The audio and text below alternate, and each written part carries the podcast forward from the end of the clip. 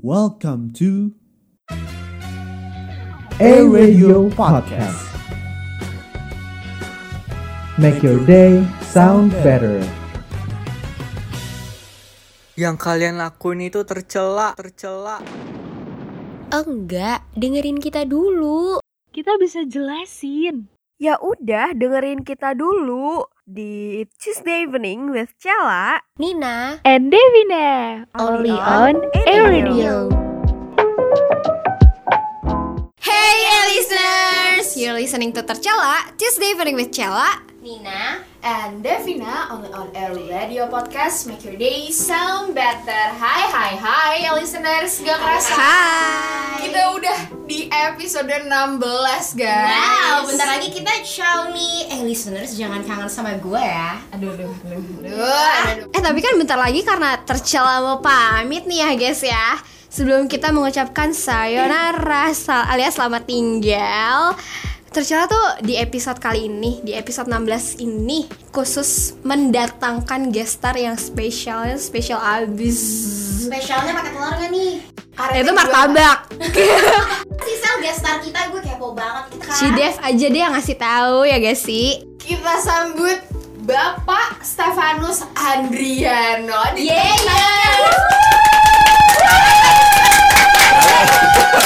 Guys tau gak sih Bapak dosen kita yang satu ini tuh khas banget dengan sapaannya kalau di kelas dengan Selamat pagi mas dan mbaknya Bener gak? Nah sekarang di tercelah kita akan mendengarkan itu langsung dari Pak Oke. Andre Hai Pak Andre Halo, selamat pagi Mbak dan Masnya. Udah khas banget ya Pak ya. Aduh mungkin banyak nih dari kalian eh, listeners yang bertanya-tanya Kok tercela tiba-tiba bisa sih collab sama Pak Andre? Dengerin sampai habis biar kalian gak ketinggalan keseruan kita berempat hari ini. Bener banget. Tapi ya sebelum kita seru-seruan bareng, kita mau ngobrol-ngobrol dulu nih sama Pak Andre. Eh listeners pastinya pernah ngerasain kesel, ngerasain marah yang nguasain eh listeners karena kalau lagi negatif-negatif kayak gitu, lagi emosinya bergejolak, pasti banyak nih kata-kata kasar yang dikeluarin sama eh listeners di luar sana. Nah, sini yuk kita bareng-bareng sama A-Crew dan juga A-Listeners lainnya ikutan webinar Oase Charity dengan tema Kartasis Pelepasan Emosi Secara Positif yang diadakan oleh Oase Atmajaya di tanggal 11 Juni 2022 dan 18 Juni 2022. Jangan lupa untuk ikutan ya A-Listeners. Nah kan Pak Andre, kita boleh gak sih nanya-nanya? Soalnya kan udah banyak banget nih pertanyaan dari A-Crew ya. Bukan lagi dari A-Listeners tapi kali ini dari A-Crew. Bener banget. Boleh, boleh, boleh. Ayo, silakan. Mbak, Jadi mau gini. nanya apa?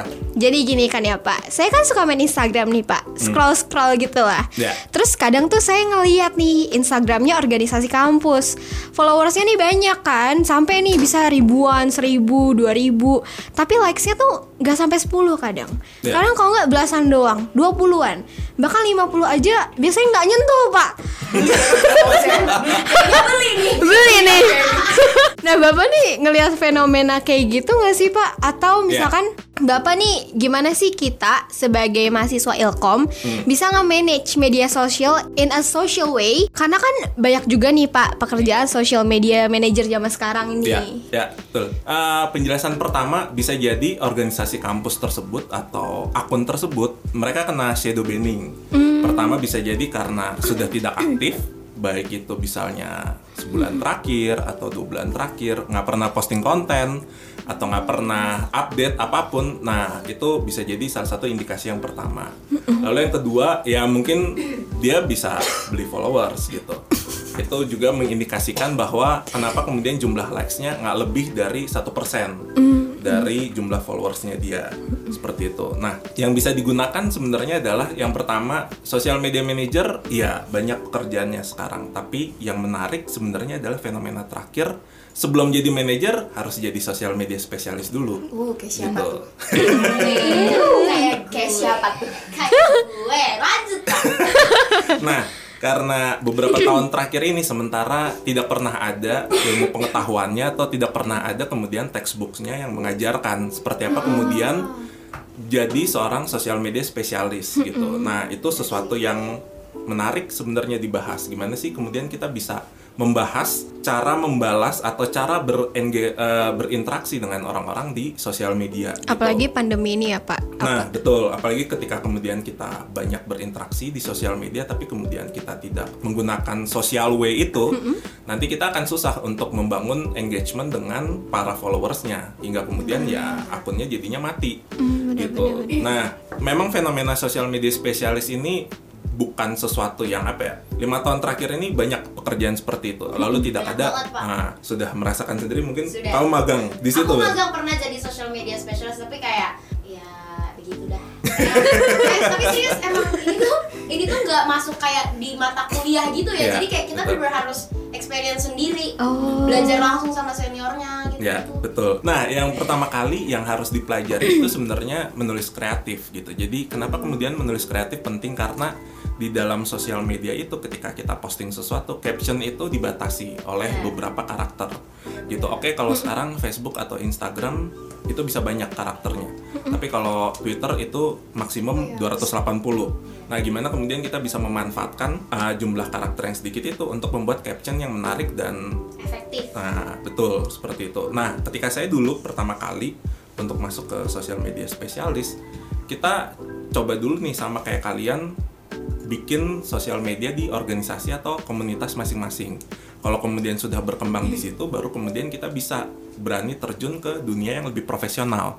Gitu. Akun pertama yang pernah saya pegang itu Bein Sport Indonesia. Jadi dia yang punya hak siar Liga Spanyol, Liga Italia. Nah, mungkin kamu pernah nonton juga di TV kabel kamu gitu. Nah, itu dimulai dari saya bi- dulu bikin sosial media komunitas pecinta sneakers. Nah, suka fans, namanya Fanset Indonesia gitu. Jadi kalau ada yang suka pakai fans di sini, saya dulu bikin seperti itu dulu untuk bisa tahu gimana kemudian kita berinteraksi sama followers kita, terus gimana kita bisa tahu akun-akun, eh sorry, konten yang menarik itu seperti apa, terus jam-jam gitu Nah, ya, betul sekali. Terus jam-jam postingnya, kapan gitu. Baru kemudian seperti yang tadi Mbak Nina bilang, belajar along the way. Along the way ketika sudah berada di pekerjaan yang profesional seperti itu. Seperti itu. Mungkin itu kali ya pengantarnya gitu. Jangan panjang-panjang nanti Mbak Nina nggak dapat. Padahal gestarnya tuh Pak Andre ya, tapi Pak Andre itu tahu gitu. Barusan tadi Pak Andre secara nggak langsung menitik beratkan majornya di dunia digital. Nah kalau boleh nih ya Pak, boleh dong Pak sharing-sharing pengalaman bekerja Bapak dari awal berkarir sampai sekarang.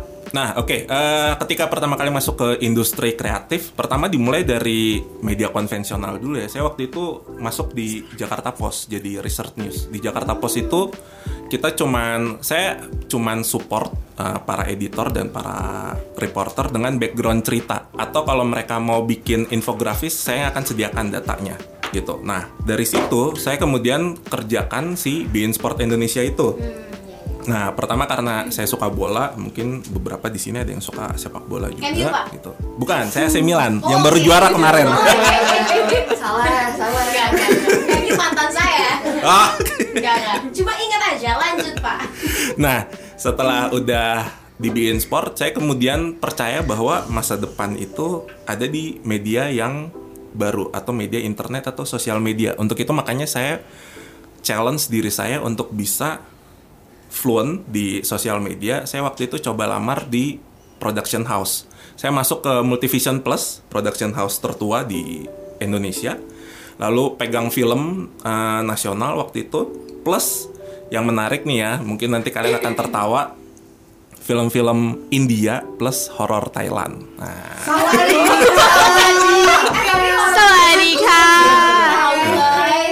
Eh tapi waktu itu yang kita A Night Movie itu kocak tahu. Yang mana? Ya Pimak. Gak nonton ya? Nonton. Gak ikut ya? Eh, Bima gue udah pernah nonton dari gue SD. Jadi kalau di dunia perfilman di Indonesia ya, kita dikenal ada production house, ada juga yang disebut distributor film. Nah, production house itu yang produksi film untuk nasional. Lalu selain itu mereka juga biasanya punya divisi lain yang distribut film. Jadi mereka akan beli film di festival film luar. Mereka biasanya akan datang ke Cannes atau ke Busan gitu. Terus mereka akan ketemu beberapa eh, ya beberapa production house yang punya katalog dikasih terus nanti baru bos saya tuh akan pilih-pilih mana nih film India yang kira-kira menarik atau film atau film horor Thailand gitu yang kira-kira cocok sama market sini terus dia akan kasih ke saya. Habis itu dia akan kasih biasanya ini ada sinopsis lalu ini ada trailer trailernya jangan bocor ke mana-mana plus nanti abis itu kamu dapat still foto. Nah nanti dari situ saya kemudian bikin konten plan nih. Kira-kira film ini cocoknya dibuat jadi apa ya gitu. Apalagi kemudian film horor sama film India ternyata marketnya gede juga di sini gitu. Film India itu komunitas India banyak di sini. Jadi kalau nonton itu mereka biasanya akan di CGV Grand Indonesia. ya gitu. Jadi mereka akan banyak di situ. Terus kita juga deket sama komunitas horor Thailand gitu. Gunanya apa? Untuk kalau kita punya film horor Thailand baru, nanti kita undang mereka untuk screening. Abis itu mereka kemudian akan sebarin apakah film ini oke, menarik, serem buat mereka dan lain sebagainya gitu. Nah dari Multivision Plus saya cuman bentar di situ karena kemudian ada tawaran lain yang menarik. Saya pindah ke Soraya Intersin. Soraya Intersin itu yang film-filmnya Raditya Dika, Target, terus eh, dia juga punya apa adik perusahaan yang namanya Hitmaker. Kalau itu Aku tahu tahu Hitmaker. filmnya nanti filmnya nanti mau keluar di 26 Mei ini The Doll 3 film pertama saya di Soraya dan di Hitmaker itu filmnya film horor Jessica Mila Mata Batin Oh, gitu. itu. Nah, ya itu terus eh, yang menarik waktu itu adalah ini film horor pertama, lalu kemudian ini membahas fenomena bagaimana seorang gadis itu punya kemampuan supranatural. Gitu. Nah, itu sesuatu yang menarik untuk diangkat. Jadi ketika kalian misalnya nanti ngerjain film, kalian akan dikasih skrip terlebih dahulu. Skripnya biasanya udah draft draft final, terus nanti disuruh baca, nanti baru dari situ kalian akan dapat nih gambaran filmnya tuh akan seperti apa. Lalu part-part mana menurut kalian yang kalian nanti bisa request ke editor untuk di cuttingin adegannya untuk sebagai bahan konten kalian gitu. Nah itu salah satunya gitu. Saya di situ cukup lama lah, eh, dua tahun atau satu setengah gitu. Saya punya empat atau lima film gitu di situ. Sempat tembus beberapa juta penonton. Jadi film Indonesia tuh disebut box office kalau dia udah tembus satu juta penonton. Saya nggak tahu kalian nonton atau enggak. Susana bernapas dalam kubur. Aku nonton pak. Oh my god, seru banget. Iya. Nonton di mana? Nonton di bioskop. Oke, sekarang kan udah masuk VOD ya, gitu. Nah, ya kalau kalian nanti lihat gitu, ini bukan sim apa ya, bukan flexing, tapi kalian akan lihat nama saya. Flexing juga nggak apa-apa. Nggak Pak. Udah tempatnya. Aja flexing di terserah. Gak ada yang ngejar. Nah, yang menarik waktu itu adalah eh, kalau film Susana, cerita yang menariknya adalah dia kan dibikin prostetik. Jadi aktor aktrisnya Mbak Luna Maya waktu itu dia mukanya habis itu dipasangin prostetik oleh ahli prostetik Rusia. Wow, dari untuk Rusia. mukanya bisa seperti eh, Susana yang seperti zaman dulu gitu. Terus Oh, ini remake ya, Pak? Mm-mm. gitu. Terus yang menarik waktu itu adalah kita salah satu trailer film yang sempat masuk trending karena kita tahan-tahan materinya. Gitu. Jadi foto pertamanya Susana, Luna Maya eh Susana itu cuman dari pakai mukena, bukan bukan yang di poster itu Mas, tapi pakai mukena terus dari jauh gitu. Itu orang kemudian heboh karena mirip banget. Terus trailernya kita tahan. Terus ini fun fact, saya ingat sekali jadi produser saya itu bilang kan, eh, kita kayaknya mau rilis trailer nih hari Sabtu. Hah, hari Sabtu? Yang bener aja nih weekend-weekend kerja gitu. Pak, Agak protes ya. nah udah kan terus diinfokan. Terus saya nanya dong, simple saya tanya, mau jam berapa emang Pak rilis trailernya? Terus dibilang, nanti kamu tunggu tanda dari saya. Jadi produser produser saya udah ini tuh tuh orangnya HP. cukup nyeni ya gitu jadi dia tuh percaya kalau feeling dia oh kalau ini kita rilis oke kalau ini enggak enggak gitu seperti itu Dia mainnya pakai perasaan. Pakai feeling. Eh, itu bapak ri- ri- rilisnya tuh di YouTube ya? ya di YouTube Oh itu bapak nggak pakai ini pak? Apa belum? Apa zaman dulu belum ada? Enggak, jadi kan gini Mbak, kita kan sebenarnya sebenarnya bisa ska- bisa schedule, tapi bos, tapi produser saya Oh, kan iya. bilang Ah. tunggu feeling saya gitu. Feeling. Makanya saya bikin standby waktu Oh, itu. oh. Tapi abis itu hari Minggunya produser saya WhatsApp, saya pikir ada masalah. Terus dia bilang, "Loh, eh, trailer kita masuk trending nih. Kamu boleh swipe up swipe up lagi gak?" gitu. Swipe up. Jadi masuk ya eh, di IG story kita publish juga. eh, untuk swipe up ke linknya. Terus te- trending di 4 Terus dia kemudian coba naikin sekali lagi. Saya naikin sekali lagi swipe upnya. Terakhir kita end up di nomor 2 Trending. Dan itu trending untuk whole Indonesia ya gitu.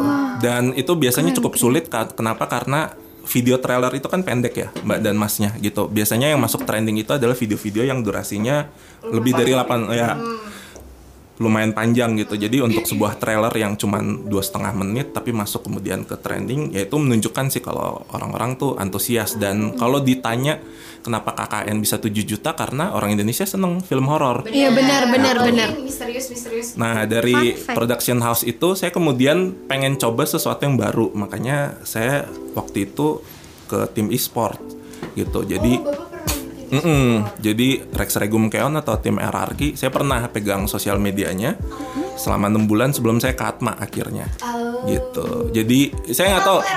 Nah, saya nggak tahu kalian pernah lihat eh, mereka apa eh, collab sama Kompas atau sama RRQ versus Everybody itu salah satunya yang inisiasi saya waktu itu gitu. Jadi Rex Regum Keon versus Everybody itu saya waktu itu yang usulin untuk sebuah brand itu bisa collab sama tim e-sport. Nah, saya waktu itu di situ 6 bulan, abis itu saya ke Atma Jaya deh ketemu kalian hari ini. Coba aja, coba aja Pak Andre nggak nggak ini ya nggak pindah ke Atma dia nggak ada nih ketemu. Listeners, lu tahu gak sih, menghadapi masa quarter life crisis, self-confidence and self-awareness tuh penting banget loh. Nah, untuk menghadapinya, Universitas Prasetya Mulia bersama Butala ngadain acara online interaktif talk show dengan tema Merajut Aku. Nah, acara ini bakal diadakan Sabtu tanggal 11 Juni 2022. So tunggu apa lagi ya listeners Jangan lupa cek IG-nya di butala underscore ID dan daftar See you there ya listeners Konten creator za- zaman sekarang kan banyak banget nih Pak Iya. yang mirip-mirip temanya. Nah, gimana sih cara kita bersaing bikin konten biar tetap oke dan tetap hits? Walaupun banyak kompetitor yang udah bikin konten dengan tema tersebut. Misalnya kayak ambil contoh deh, kan beauty influencer sekarang banyak banget. Banget. Nah, itu gimana tuh Pak?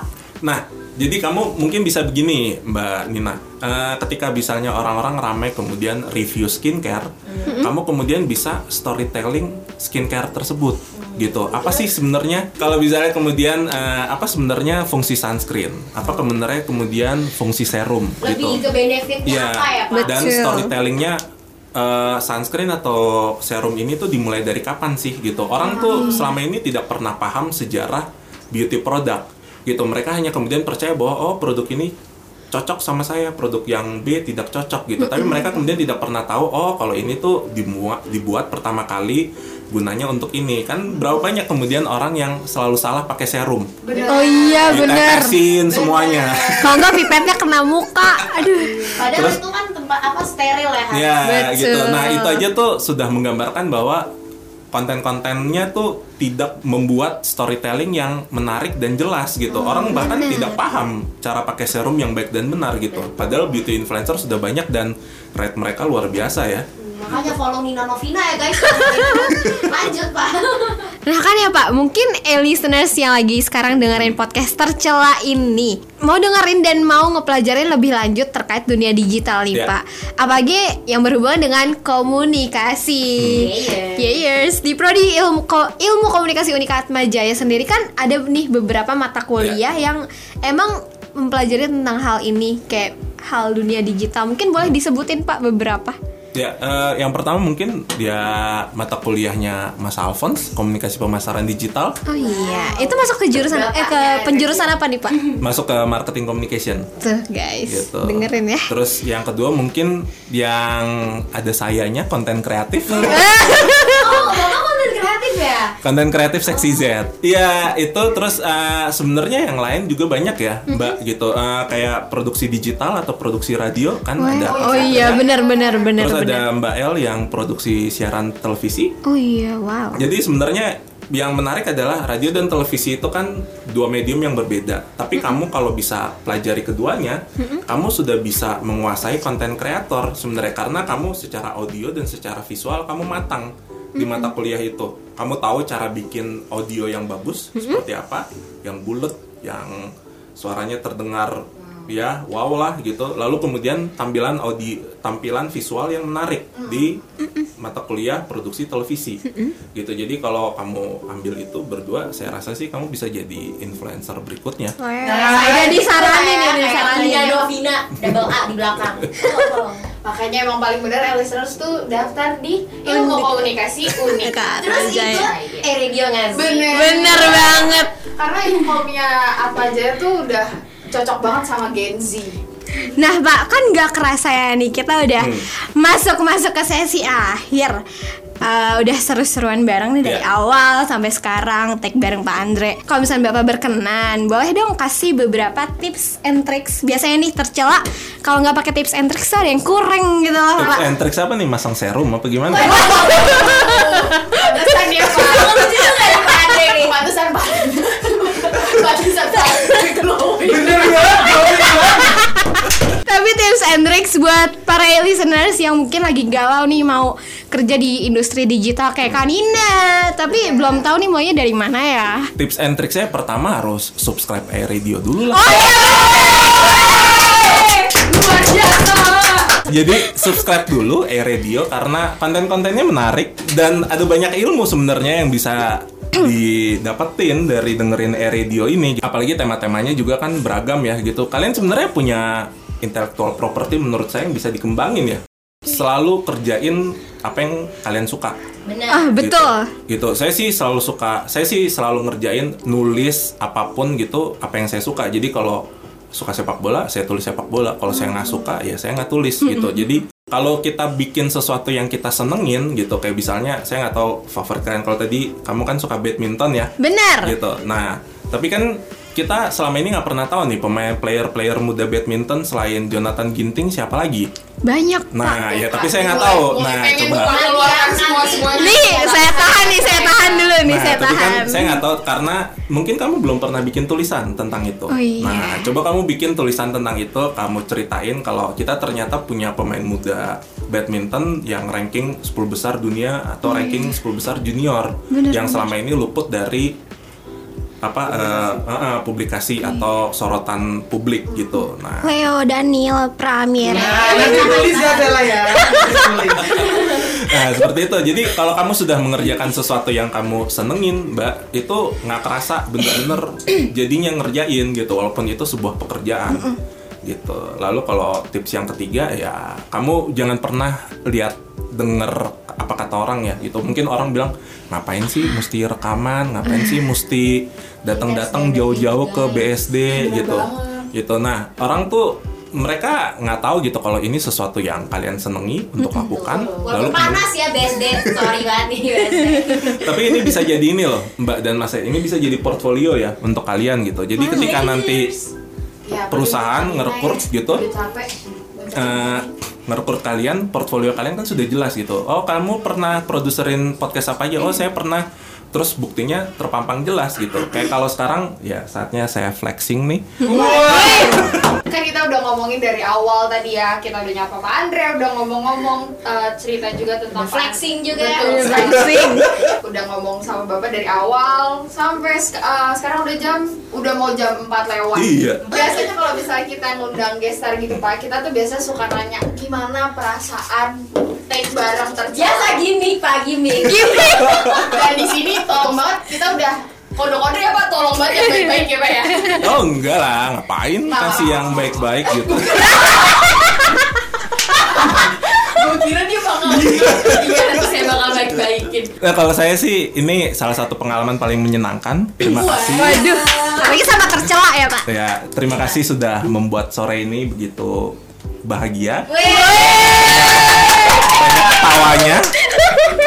Ya kan katanya kan untuk menghindari COVID-19 kita harus meningkatkan imun. Nah mungkin kayaknya orang-orang mesti datang ke tercela nih. Waduh bener banget Ya itu terima kasih Mas Ariel, terima kasih kru-kru semuanya yang sudah berkenan mengundang saya.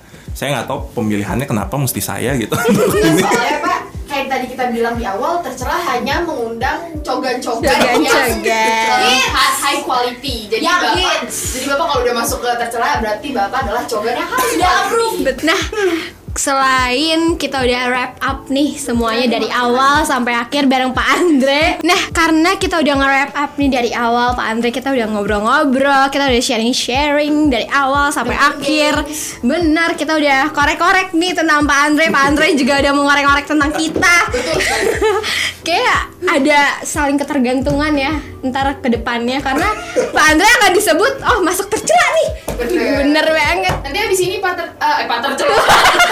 Pak Andre abis ini tuh terkenal karena sudah masuk, Masuk tercela. Amin. sih, guys. Benar banget. Nah, gue sekarang mau ngingetin buat seluruh e-listeners yang dengerin tercela, jangan lupa buat dengerin lagi tercela setiap hari Selasa only on Air Radio Podcast. Make your day sound better. Bye. Bye.